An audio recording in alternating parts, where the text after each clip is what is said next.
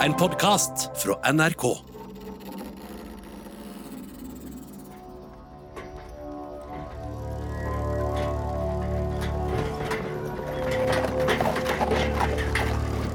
Det fær å rakle en karet gjennom København. Karet, det er et fancy ord for ei vogn, det. Hvorfor sa ikke jeg bare det med en gang? Jo, jeg sa det sånn fordi den vogna her, den er fancy. Fire snøftende, prustne, hvite hester foran. Nypussa, svart eh, seletøy glinser og blinker. Frampå setet, kusk og sidemann kledd i rødt. På et trinn bakpå står to velvoksne vakter. Kan ikke si med sikkerhet at vogna er malt med gullmaling, men kan ikke si at den ikke er det heller. Vogna har vinduer, men gardinene er helt trukket for. Null innsyn, null utsyn, ingen kontakt med mannen som sitter inni vogna. Vogna rakler og rugger gjennom Kjøbens gater. De gatene er ikke mye å skryte av. De har ikke begynt med brostein ennå, sjø. Så det er ujevnt og skeivt og hull og humper og dumper. Men du, hele vognhuset er hengt opp i kraftige metallfjærer, så inni vogna er det riktig komfortabelt. Det er moderne, high-tech, det er luksus. Men lell. Mannen som sitter inni vogna, han ser litt bilsyk ut, rett og slett. Bleik om nebbet. Utilpass og ubekvem. Den mannen er Kristian 6., kongen av Danmark-Norge. Kong Kristian 6. er en liten, puslete, spinkel spirrevipp av en mann. Smalt fjes, stor nese og en stor, hvit parykk over. Han er ikke i sort-hvitt, han er i farger. Det bare ser ikke sånn ut. Når han eh, kongen vi har i dag er ute og kjører, så sitter han gjerne i åpen vogn og vinker og smiler til folk. Det holder ikke Kristian 6. på med, det skal jeg fortelle deg. Kong Kristian 6. er utilgjengelig for folket. Sitter inni vogna si og er sur. I hvert fall eh, veldig alvorlig. Bak sine lukkede gardiner. Og de rødkledde vaktene bakpå vogna, de er utstyrt med køller og sverd og all slags utstyr for å holde bermen og riffraffet unna kongens høye person. Høye person er billedlig talt, han er en liten sprett, som sagt. Ute på gata holder de vanlige folkene på med sitt. Hvis kongen lurkikker litt forsiktig ut, i glippa mellom gardina og vinduskarmen, kan en se dem. De ser ikke spesielt lystige ut. De sukker tungt, gjør de. Det gjør kongen òg. Han òg trekker et uh, tungt sukk. Og så mumler han for seg sjøl. Nei, hva skal han finne på nå, da, tro? Blir vel å dra hjem og be litt til Gud igjen, da. Som vanlig.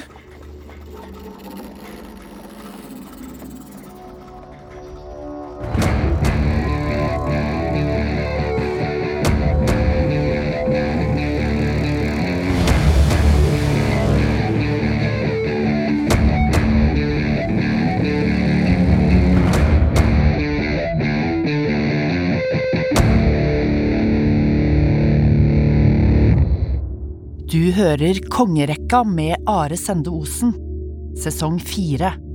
En podkastserie om de norske kongene. Episode sju Kristian den sjette og Fredrik den femte. Kongen som viste faren fingeren.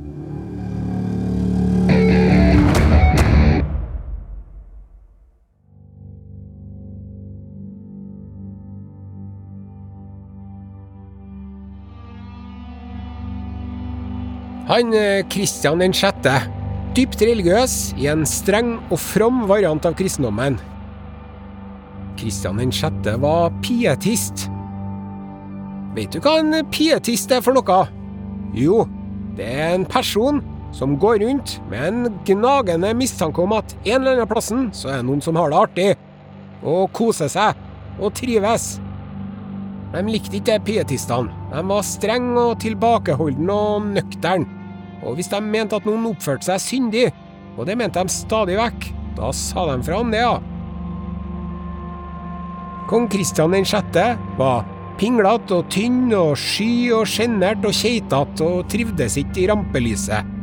Han likte ikke å omgås undersåttene sine. Han likte ikke å snakke til folk, og han likte ikke at folk snakka til han. Han var upopulær blant vanlige folk. De syntes han var så kjedelig og kjip og fargeløs og snål. Og det var han også. Kristian 6. er den minst sexy kongen i hele kongerekka. Det sier litt. Men han hadde god forstand, og han hadde fått god opplæring i oppveksten. Det var nå enda bra at den trenden med å passe på at eh, tronarvingen var enda dårligere skikka enn deg sjøl til å være konge, opphørte. Faren til en Kristian, eh, kong Fredrik den fjerde, var jo rett og slett en ekkel, kåt eh, mannsgris som benga den ene dama etter den andre og ordna seg nye kjærester titt og ofte. Og dagen etter begravelsen til dronninga Dagen etter begravelsen, sier jeg, til dronninga, altså mora til Kristian, da tok en pappa Fredrik og gifta seg med elskerinna si. Ja, det gjorde han. Han kunne ha servert snittene som var igjen fra begravelsen i bryllupet sitt, kunne han. Da ble han Kristian, som var kronprins på dette tidspunktet, skikkelig muggen. Med god grunn, spør du meg. Skikkelig muggen og sur på far sin, og hata jo denne helsike stemora si, som hadde drevet og holdt på med faren hans lenge, og gjort den kjære mora hans til latter. Kong Fredrik prøvde på hjelpeløst, klebbete, dysfunksjonelt, nærmest tilbakestående kongelig vis å skvære opp med sønnen sin. Han sa til kronprins Kristian, ja, men du kan få gifte deg med hvem du vil sjøl, Kristian. Du skal få bestemme. Du kan få velge fra øverste hylle når det gjelder din egen dronning. Herre her, skjønner du hvor spesielt det er, eller? Helt enestående. En kommende konge som skulle få bestemme sjøl hvem han skulle gifte seg med.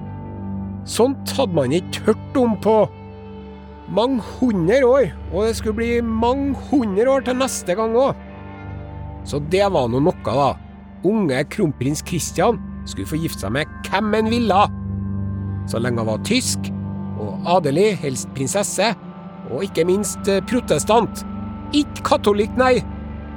Så lenge alle de boksene der kunne tikkes av, da kunne en Christian bestemme sjøl. Let's go, sa han Christian. Nei, det sa han ikke. Han snakka ikke engelsk. Han sa ikke let's go heller, nei. Han Christian, han sa genvir, sa han. Han Christian snakka verken dansk eller norsk. Han snakka og skrev tysk hele livet. Men eh, i uh, hvert fall, da. 20 år gamle kronprins Christian for rundt på tyske slott og leita etter et uh, passende dronningemne.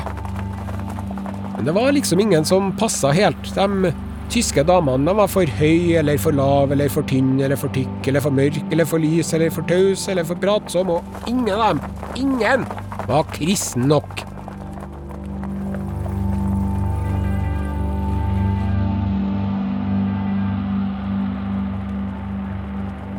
Men så kom kronprinsen til et slott, hvor det var ei dame som het Sofie Magdalene aus Brandenburg Knoblau. Unnskyld, Knoblauch, det er jo hvitløk på tysk. Hun heter jo ikke eh, hvitløk. Kulmbach heter hun. Og da Christian møtte hun, Sofie Magdalene, da visste han at nå, nå, yes, eller unnskyld, jawohl, nå har jeg funnet brura mi. Det som gjorde utslaget, det som gjorde Kristian helt ør av lengsel og kjærlighet, det var verken smektende dådyrøyne kyssbare kirsebærlepper eller yppige pupper. Det var at hun Sofie, hun var like pietistisk som han sjøl. Og hun var like lite interessert i fest og selskapsliv som han var. Godt gjort og flaks. Samme sommeren gifta de seg nede i Tyskland, kronprins Christian og Sofie Magdalene. Så gikk det noen år. I 1730 daua kong Fredrik 4. Og da, sant, ble den Kristian konge automatisk. Eneveldig konge. Det første han gjorde som konge omtrent, var at han sa til dere helsike stemora si alle de pengene far min sa du skulle få i testamentet sitt, dem får du ikke, og nå kan du stikke av. Og så sendte han tilbake dit hun kom fra, til det samme godset som faren hadde kidnappa fra den gangen, 18 år tidligere. Det var ikke så veldig hyggelig av han da, men han var ikke noe hyggelig person, han kong Kristian 6.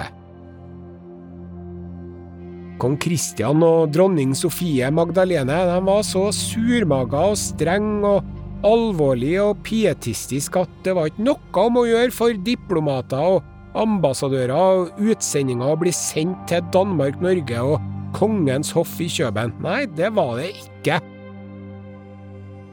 Det var så jæskla kjedelig ved hoffet til kongen. Det var ikke lov å feste, det var ikke lov å danse, det var ikke noe drikking eller liv eller noen ting. Det var ei som sa at det danske hoffet er et kloster, hvor man ikke gjør noe annet enn å be til Gud og kjede seg.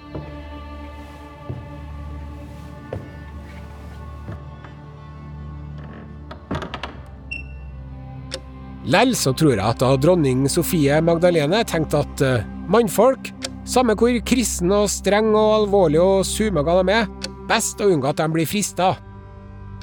Sant, på den tida så var det jo sånn at uh, dronningens uh, hoffdamer, de var fritt vilt for kongen. Og det er mange, mange, mange, mange, mange eksempler på at uh, kongen av Danmark-Norge forsyner seg av hoffdamene til dronninga si. Herre skulle ikke Sofie Magdalene ha noe av. Så hoffdamene hennes, de var ikke noe fruktfat, noen av dem. Hvis du skulle bli hoffdame hos dronning Sofie Magdalena av Danmark-Norge, da måtte du være seriøs og kjedelig og kristen, selvfølgelig. Men viktigst av alt, du måtte være lite tiltrekkende. Jo mindre tiltrekkende, jo bedre. Frastøtende, faktisk. Det var helt topp. Kristian den sjette, tungsindig mørkemann skulle han være, men samtidig så likte han å bruke penger. Hva var det han brukte så mye penger på, da? Det var nå verken piker, vin eller sang. Kostbare byggeprosjekter. Enorme, overdådige slott skulle de ha, kongen og dronninga. Med majestetiske rom og praktfulle saler, sjøl om de ikke skulle ha fest hjem. Han Kristian den 6. drev og reiv ned helt kurante slott og hyra inn de dyreste arkitektene han kunne få tak i til å tegne nye. Og de arkitektene, mulig de var dyr, men spesielt dyktige var de ikke. Et slott de bygde råtna ned i muggel og sopp, for de hadde ikke ordna kjellere. Så måtte de rive opp gulvene og grave kjellere, da. Og så fant dronninga ut at Hei, når vi først holder på å pusse opp, så kan vi utvide litt. Så budsjettene ble sprengt, ja. Kong Kristian 6. brukte så mye penger på disse byggverkene sine at det ble et problem for statskassen. Men fleska til slott bygde den lell.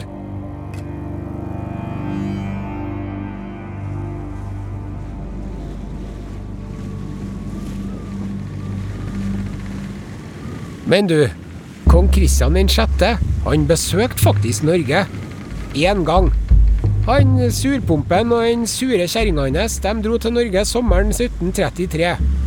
Med et eh, følge på nesten 200 stykker. Det er litt rart når du ikke liker å omgås folk.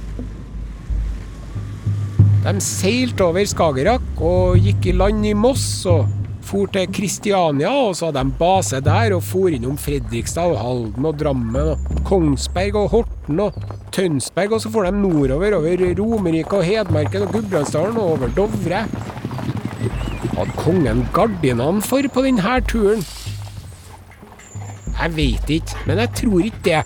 For det var på denne store norgesreisa at han fikk best kontakt med folket sitt. Ble hylla overalt hvor han kom. Hele veien nord til Trondheim. Men da sa de nå får det være nok. Hit, men ikke lenger. Er ikke typisk? Da de var i Trondheim, besøkte de Nidarosdomen. De var ikke imponert. Men den gangen var jo domkirka bare ei nedfallen rønne òg. Og så for de sørover med båt langs kysten. På Sunnmøre visstnok hadde folk malt svarte kors på dørene. De sto langs veikanten da kongen for forbi, og sukka høyt og bar seg for å vise at de leide under hardt arbeid og kristelig tungsinn. Jeg veit ikke om dere stemmer, men jeg tror at på Sunnmøre, omgitt av mørkemenn og strenge pietister, der tror jeg at en kong Kristian 6. følte seg hjemme, nesten. Og så for de innom Kristiansund, Ålesund og Bergen. Der tok kongen en spasertur på Bryggen. Kanskje han kjøpte seg en fiskekake òg, som han tok i neven, hvem veit. Så for de videre sørover. Bømlo, Kopervik, Stavanger, Sirevåg, Egersund, Flekkefjord, Lista, Mandal, Arendal, Langesund, Helgeråa, Brevik, Porsgrunn, Skien, Larvik. Og så lå han her i Vestfold ei stund og venta på været, før han dro tilbake til Kjøben. Det må jeg si at uh, Bortsett fra at han ikke besøkte halve Norge, så var et uh, rettelig norgesbesøk han hadde, kong Kristian 6. Det skal han ha. Mens uh, kong Kristian var i Norge, sa han at uh, jeg er far til begge barn og vil begge vel. Og de barna, det var da Norge og Danmark, det, så det var noe pent sagt. Men noe folkelig konge ble han aldri. Det var én ting han la merke til under besøket hos det ene barnet. Det var sjokkerende mange tiggere rundt i Norges land. Dere må dere gjøre noe med, sa han til dem som hadde ansvaret i Norge, embetsfolkene og sånn. Og det tok ikke ti år heller før de hadde fått iverksatt en fattiglov som skulle hjelpe verdige trengende, altså enker og farløse barn og den slags.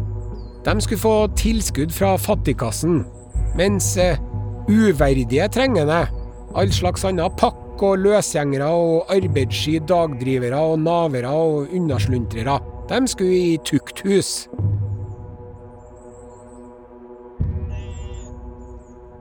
Så han eh, kong Kristian 6., han var ikke noe fyrverkeri, og han ble aldri noe populær, og har ikke vært det siden heller. Og det er ikke så rart, stiv og rar og sky og sjenert som han var. Men det skal han ha, denne tørrpinnen av en konge. Han klarte å ikke gå til krig mot Sverige. Og det skal han fanken meg ha honnør for. Og så ser vi igjen at en konge som ikke går til krig, det er en kjedelig, gustengrå tregost. Men enn hvor bra at han klarte å ikke gå til krig mot Sverige. Tenk på alle bøndene i Norge, Danmark og Sverige som slapp å forlate hjemgården sin for å dra og krige i et annet land. Og tenk på alle mødrene og døtrene og søstrene og tantene som slapp å bli voldtatt og drept og mishandla. Og alle ungene som ikke ble farløse, og alle stabburene og naustene og gårdene og låvene og bruene og byene og bygdene som ikke ble brent. Og det med at han var sånn kristen mørkemann, det er ikke spesielt sexy. Men det var litt bra lell, sjø. Han kong Kristian 6. bestemte at alle i hele Danmark-Norge de var ikke ordentlig voksen før de var konfirmert. Og mange driver jo og konfirmeres en dag i dag. Og bare du møter opp, så blir du konfirmert. Men den gangen var det alvor. Da var det som en eksamen, hvor du ble utspurt av presten. Og det var flere hundre spørsmål du måtte kunne svaret på. Og svarte du feil, så kunne du finne på å stryke. Da ble du ikke konfirmert. Og det var sikkert både stressende og slitsomt for de stakkars konfirmantene, men alt dette styret og maset førte til at alle omtrent måtte lære seg å lese og skrive. Så nå var det at vanlige folk begynte å gå på skole. Dere skolene der, de var ikke all verden. Men lell, det var nå en sped begynnelse. Mange plasser i Norge hadde de omgangsskole. Da flytta læreren rundt fra gård til gård. Én ting til. Det var en eh, Kristen-Kristian som innførte helligdagsfreden. Som går ut på at man ikke skal drive og lage leven og bråk og larme med kantklipperen på søndager og langfredag og første pinsedag og den slags. Og den loven, med lite grann moderering, gjaldt fram til 1965. Da endra de på den ganske kraftig, men fortsatt gjelder helligdagsfreden. Det har ikke naboene mine fått med seg. Går ikke en langfredag eller 1. mai heller, uten at de står ut i oljehyre og styrer med høytrykksspillerne sine og motorsag og all slags bråk og leven. Jeg bråker, altså er jeg, tror jeg mottoet til naboene mine. Idiotene. Hvor var han? Jo, Kristian den sjette. En av de bleikeste kongene vi har hatt. Og det var ikke så rart at han var bleik, han var i konstant dårlig form. Så som nevnt litt bilsyk ut hele tida. Var alltid et eller annet som feila han. En eller annen vondt eller verk eller skade eller plage eller skavank. Og dronninga med. Svimmel, hodepine eller hjerteangst var alltid noe som feila kongeparet. Så de drev og tok piller og prøvde vidunderkurer og forskjellige behandlinger. Helbredende medaljonger, hvem veit? Men den gangen, da, fortsatt, så var det, hvis det var noe som feila deg, årelating som gjaldt. Og man blir jo ikke noe mindre bleik av det. Så stakkars kong Kristian ble sjabrer og sjabrer og bleikere og bleikere, og legene drev sikkert og klødde seg i hodet. Jeg skjønner ingenting. Vi driver jo og årelater kongen stadig vekk, og lell så blir han bare slapper og slapper. Kan du forstå det? Nei, kan du forstå det? Så fikk en kong Kristian vondt i magen, og i 1647 døde han. Var ikke 50 år gammel heller. Kong Kristian den sjette visna.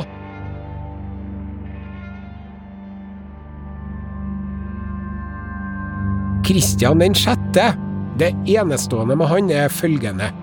Ingen kriger og ingen elskerinner. Han var ikke noe sjarmtroll, og hvis en Kristian den sjette hadde vært eh, svigerbroren din, da, da hadde du tenkt å hjelpe meg, nå kommer en Kristian den sjette på besøk, ai, ai, ai, ja ja. Men lell, det at en Kristian den sjette starta skolevesenet, var kjempeviktig for utdanningsnivået og den kulturelle utviklinga og hele samfunnsutviklinga i Norge.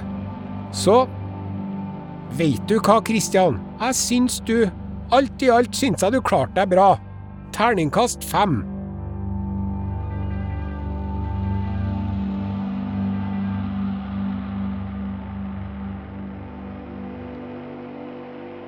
Sønnen, den neste kongen, det eplet der, det falt et stykke unna den stammen, for å si det på den måten. Fredrik den femte, han var noe helt annet enn far sin. Faren hadde jo vært tysk og snakka tysk og følt seg tysk. Han Fredrik, han var dansk. Mora hans kalte han den danske prinsen, og det var ikke positivt ment. Hun forakta det danske. Det lukter så dansk her, kunne dronning Sofie Magdalene finne på å si når hun var på besøk en plass. Hun mente at en Fredrik var altfor dansk. Og jeg tenker at hun spurte seg sjøl hvor kommer disse unotene der fra? Han har nå ikke lært det hjemme hos oss, det er nå sikkert. Og det stemmer, det. I barndomshjemmet, barndomsslottet til Fredrik den femte, der snakka de altså bare tysk. Så han eh, Fredrik lærte ikke dansk før han ble voksen. Hvor lærte han å snakke dansk hen, da?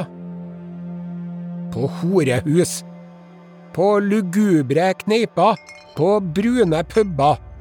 Der var det at en Fredrik lærte seg å snakke dansk. Han Fredrik, han var ikke sky og forknytt som foreldrene. Han var åpen, utadvendt og søkende og hadde lett for å komme i kontakt med folk. Alle sammen likte Fredrik 5. for han var så folkelig og karismatisk. Men han gikk aldri edru til sengs. Å hjelpe meg, det høres så slitsomt ut. Jeg mener, artig å gå på fest, det er ikke det, men å aldri gå edru til sengs, det synes jeg høres tussig ut, det må jeg få si. Og mens han var ute og festa og tura, så hadde han seg med elskerinnene sine. Gjett om en Fredrik hadde elskerinner. Jeg skal fortelle at han hadde. Han Fredrik, han hadde elskerinner, han. Han var glad i damer, og sa ikke nei takk. Forsynte seg med begge hendene. Fredrik drev og hadde fester, hadde han, hvor nakne damer dansa på bordene. Og det var nå når han oppførte seg ordentlig. Han Fredrik drev og slåss i gatene. Masse pinlige filleskandaler. Faren var veldig bekymra, og håpa at om han ble gift, da kom han til å slutte med det tullet. Så kronprins Fredrik ble gift med dattera til den engelske kongen. Hun het Louise. Og hun Louise hun var så populær, hun var artig og glad, hun var elskverdig, hun var pen og sjarmerende, men kanskje viktigst av alt, hun var ikke sur og tysk. Lærte seg fort å snakke dansk, gjorde hun òg. Da Fredrik ble konge 23 år gammel, da ble det slutt på pietisme og depping ved hoffet. Pietisme er dritkjedelig, sa han kong Fredrik. Eller han må nå ha tenkt det, i hvert fall. Nå ble det futt i hoffet. Maskeradeball ble igjen på moten. Teater ble tillatt igjen. Komediene til en Ludvig Holberg fra Bergen trakk fulle hus. Topp stemning i Kjøben. Kong Fredrik og dronning Louise var et populært par. De tok imot helt vanlige folk på Slottet om dagen, og om kveldene kom adelen og fiffen på fest. De var en tur i Norge, dem òg. Og det virka som de hadde ganske bra sammen. Fredrik var snill og oppmerksom mot dronninga si. Men dessverre, sjøl om han var gift med den bra dama, så klarte ikke kong Fredrik å slutte å fære på fylla og renne på byen og drikke seg dritings og ha seg med alt de høye hæler bortimot. Og det var tilfeldige bekjentskaper, pluss at han hadde faste ekstrakjærester. Hovedkjæresten hans ble kalt for Madame Hansen, og med Madame Hansen fikk en Fredrik den femte fem unger, pluss at han fikk fem unger med dronning Louise. Og da dronning Louise skulle føde unge nummer seks, så døde hun, bare 27 år gammel. Fredrik den femte, trivelig kar, artig type, men ikke noe god ektemann, ikke så god far, og ikke noe god konge. Det å være konge, det var en brysom distraksjon for han omtrent. Han var ikke noe interessert i å styre. Heldigvis hadde han vett nok til å finne dyktige folk til å styre for seg. Så det gikk brukbart med Danmark-Norge under Fredrik den femte. Det var fred og framgang på mange områder. Fredrik var heldig, han hadde en uunnværlig venn. En venn og mentor og forbilde og farsfigur og høyre hånd i samme person. Den personen het Moltke. Han Moltke der, han ble kammertjeneren til en Fredrik da Fredrik var bare sju år gammel og Moltke var 20. De fikk et nært forhold, og det må nå ha vært bra til en Fredrik med de sure, kalde, kjipe foreldrene hans at det var noen som brydde seg om ham. Moltke steg i gradene fra kammertjener for prinsen og endte opp som overhoffmarskalk. Og det var nå bare en fancy hofftittel, men i tillegg var han kongens nærmeste rådgiver, når det gjaldt styringa av Danmark-Norge. Kong Fredrik stolte på Moltke, og Moltke sa at kong Fredrik måtte stole på ministrene òg. Sånn ble det. Det byråkratiske eneveldet kaller de denne epoken. Kong Fredrik lot Moltke ta det meste av arbeidet med Danmark-Norge for seg, og det klarte han Moltke godt. Han hadde en helt unik posisjon, og vil du tro det, ikke drev han og utnytta posisjonen sin heller. Enn det, du! Den som hadde hatt en venn som Moltke, han hadde vært heldig. Og han Moltke, vet du, han drev og ga smarte folk gullmedaljer når de hadde gode ideer, men så sa han at det var kong Fredrik som hadde kommet på det. Heia Moltke, sier jeg bare, ja.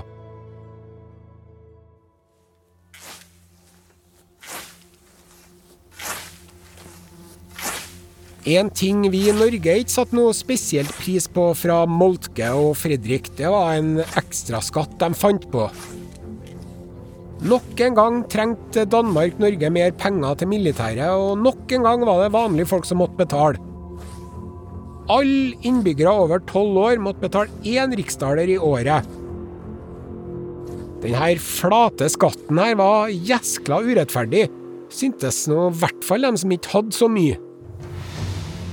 Så da var det noen bønder på Vestlandet som fikk nok.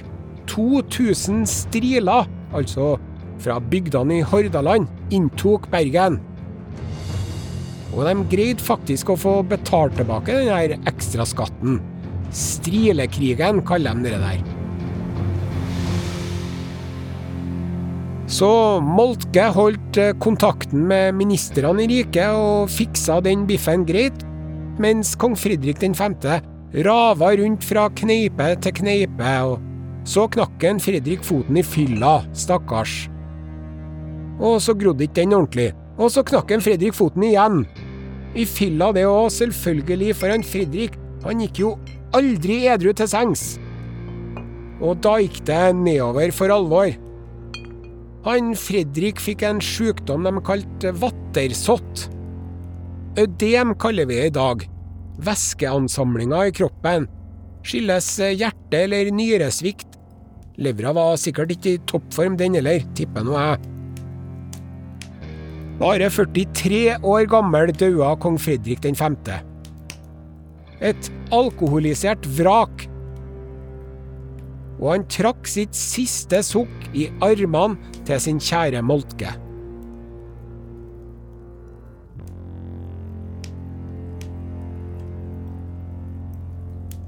Stakkars kong Fille-Fredrik, for et opplegg!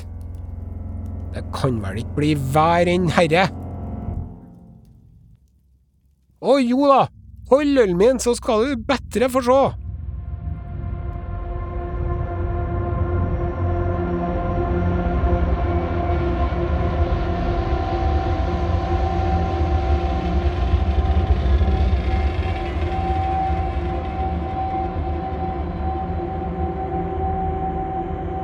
Kongerekka er laga av Are Sende Osen og Ragnhild Sleire Øyen. Historisk konsulent er Randi Bjørsol Verdal, og musikken er av Synkpoint. Neste episode handler om Kristian den 7. og Fredrik den 6., kongen som skrev under på alt.